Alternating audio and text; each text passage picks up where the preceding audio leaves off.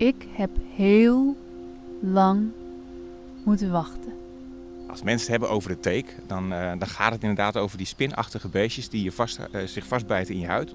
Vanaf het moment dat ik geboren werd, heb ik alleen nog maar stilgelegen. Zit overigens laag bij de grond en niet in de bomen, wat toch nog steeds heel veel mensen denken. In de kou, tussen dorre bladeren. Samen met niet één, niet twee, maar 1340 broertjes en zusjes. Dus het is echt een soort chemische oorlogsvoering wat er vervolgens plaatsvindt. Wachten, wachten, wachten. Maar nu warmt het op. De zon schijnt op de vochtige grond. De wind blaast door de dorre bladeren. Mensen trekken door de velden en bossen. En ik? Ik ontwaak.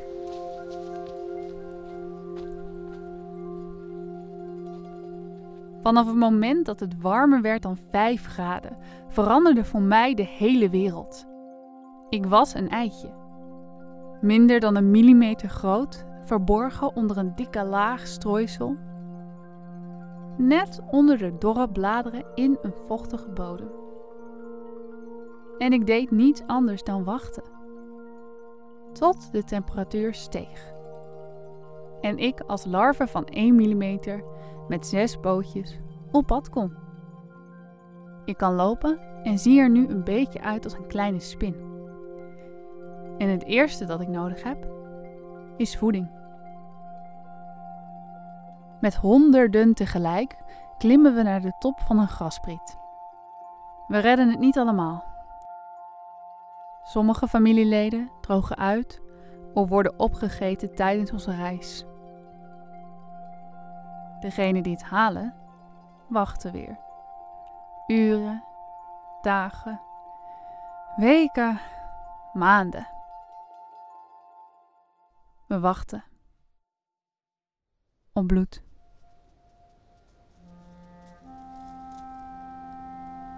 Dan voel ik dat er iets voorbij komt lopen. Een beestje dat zich al piepend door de bladeren wurmt. Een rosse woelmuis, leer ik later. Die ruikt al zo lekker van zo hoog op de graspriet dat ik ervoor ga. Ik laat me los, raak in vrije val en klamp me vast aan de haren van de vacht onder me. En zo maakt de muis kennis met mij. Een teek. We zijn hier op de Utrechtse Heuvelrug op zoek naar teken. Heel veel beuken hier.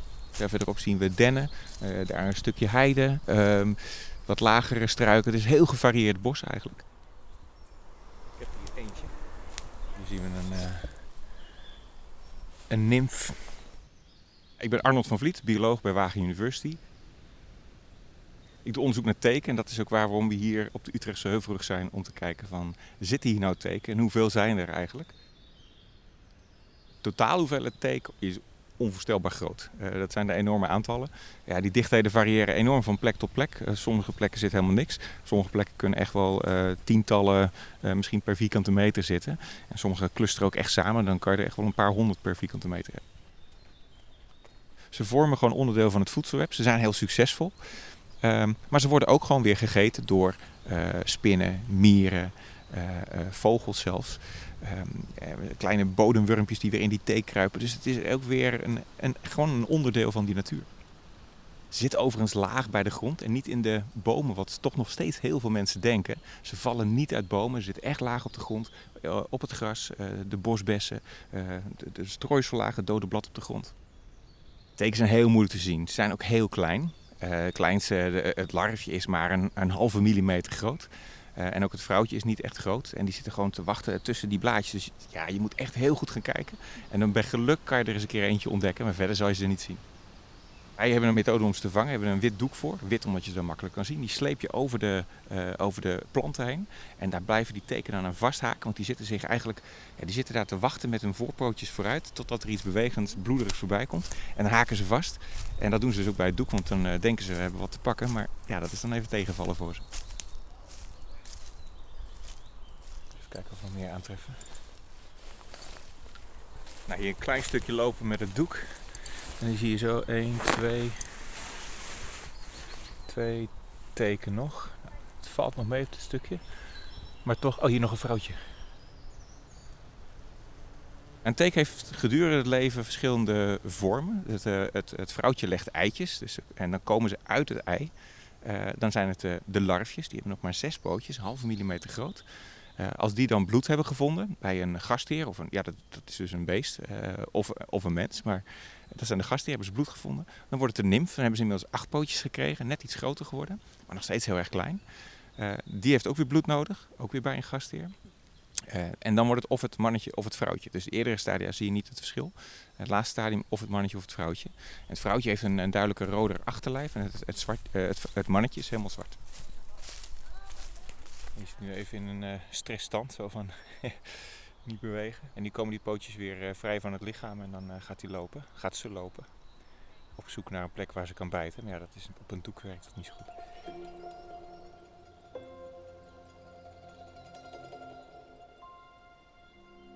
Als ik me volgezogen heb met bloed, dan laat ik me weer vallen. En ben ik terug in het groen.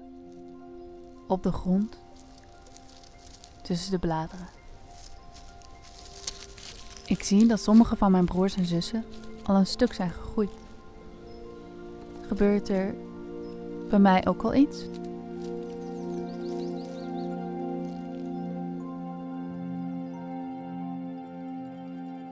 Het is weer tijd om te gaan rusten. Het zal snel kouder worden. En dat betekent dat ik weer lang zal moeten wachten lang zal gaan slapen. Welterusten.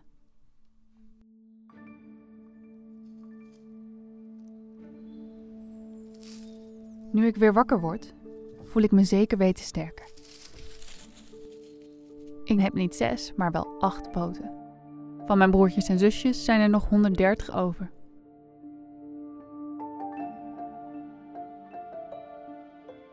Om nog verder te groeien hebben we weer een bloedmaaltijd nodig. Ik ga op zoek naar een nieuwe uitkijkplek en vind een laaghangende struik waar ik in klim. En dan is het weer wachten. Het leven van een teken gaat veel over wachten, maar dat heeft een reden. Ik heb maar een beperkte voorraad energie en ik wil zeker weten dat ik die energie goed besteed. Dus ik wacht op de perfecte kans.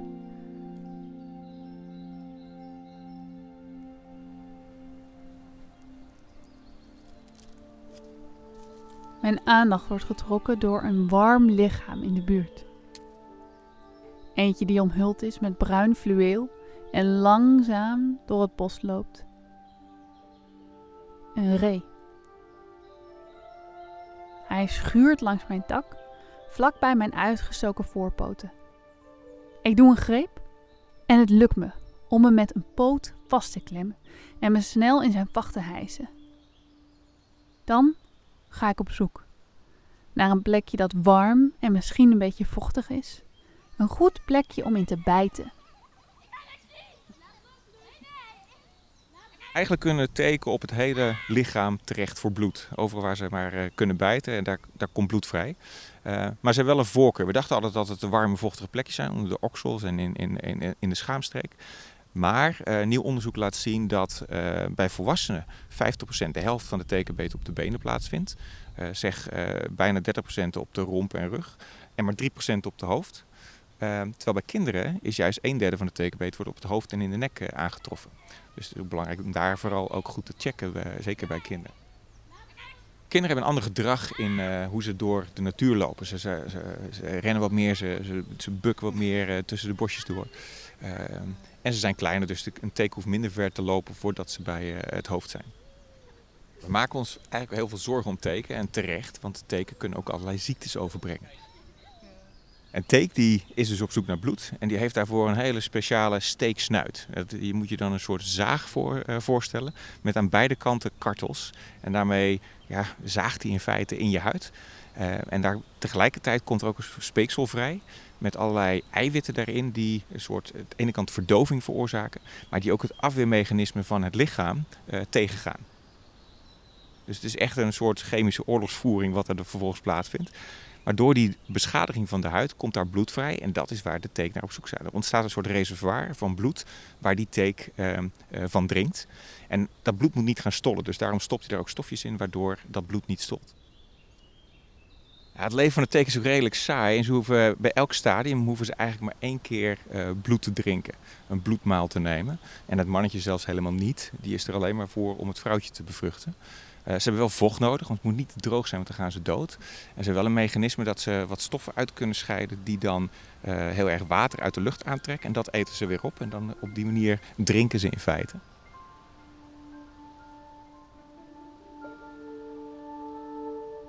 Ik mag mezelf inmiddels volwassen noemen. Ik heb nog steeds acht poten, maar ik ben gegroeid tot 3 mm. Je ziet duidelijk dat ik een vrouw ben nu. Mijn in dat rode achterlichaam is niet te missen. Ik heb zin om dit seizoen wat meer risico's te nemen. Wat meer klimmen, jagen, niet altijd maar alleen maar wachten. Ik probeer een paar plekken uit. Het struikgewas, een graspriet. Ik verbruik veel energie. En het lukt me heel lang niet om een nieuwe maaltijd te vinden.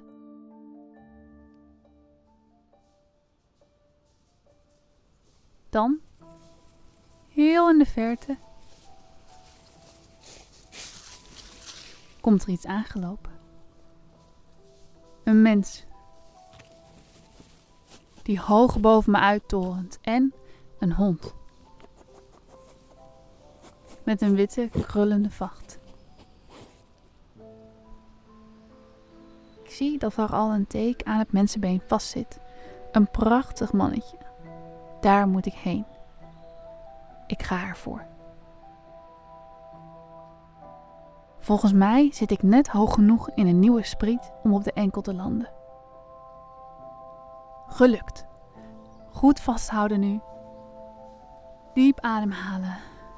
En klimmen naar een plek waar ik en het mannetje kunnen paren.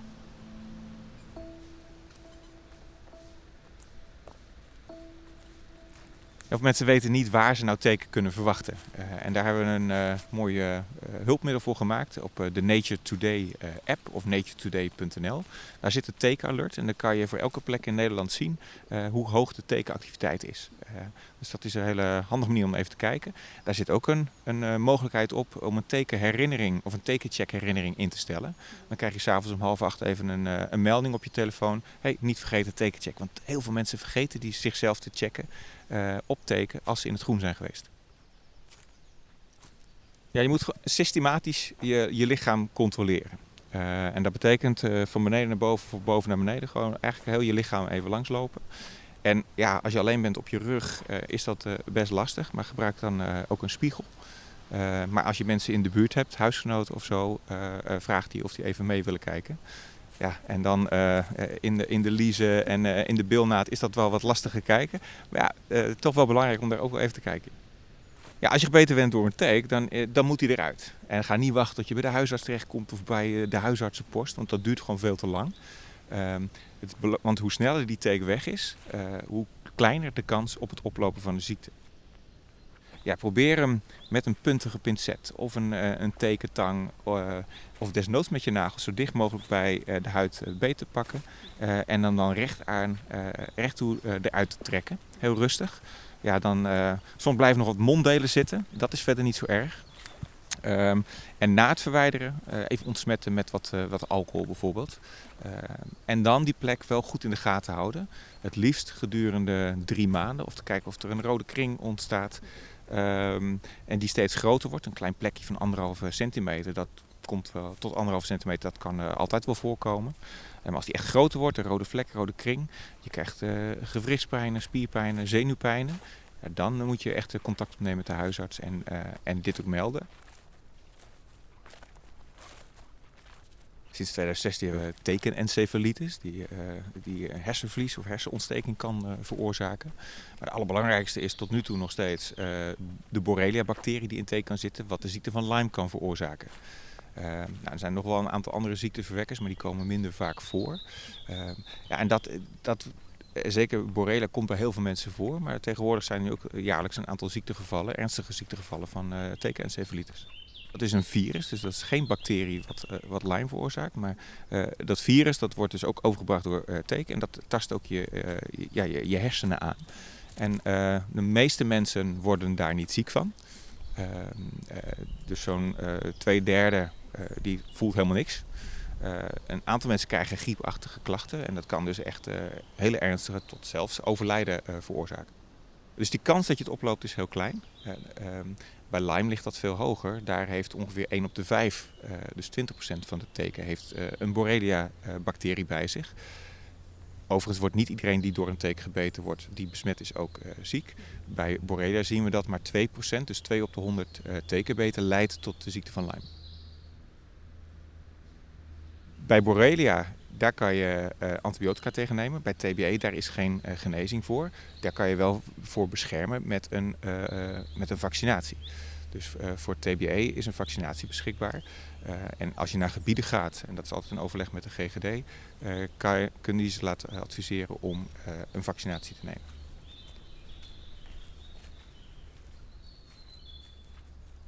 Ja, het allerbelangrijkste om uh, geen ziekte op te lopen is, is, is, te zorgen dat een teken jou niet bijt. Uh, en dat kan je doen door nou, teken, uh, gebieden waar tekens zitten te vermijden. Maar ja, dan kan je ook niet lekker naar buiten en niet het groen in. Voorkom dat die teken op je lichaam komt. En dat kan je doen door bijvoorbeeld je broek en je sokken te doen. Het ziet er niet echt elegant uit, maar nou, het is wel effectief. Want dan komt die teken niet gelijk al bij je enkels op je, op je huid terecht. Moet die eerst omhoog lopen. het allerbelangrijkste is om jezelf te checken op een tekenbeet na een bezoek aan het groen.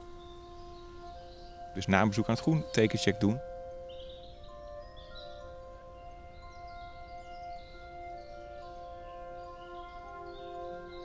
Ik ben inmiddels weer van het mens gevallen.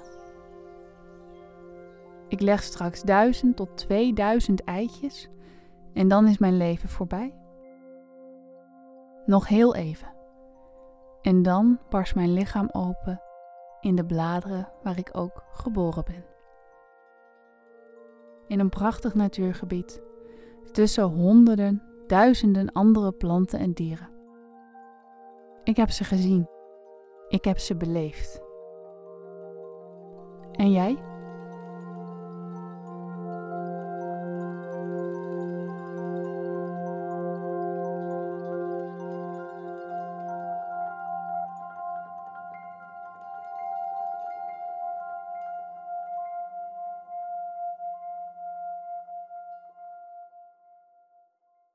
Deze podcast werd mede mogelijk gemaakt door Pfizer.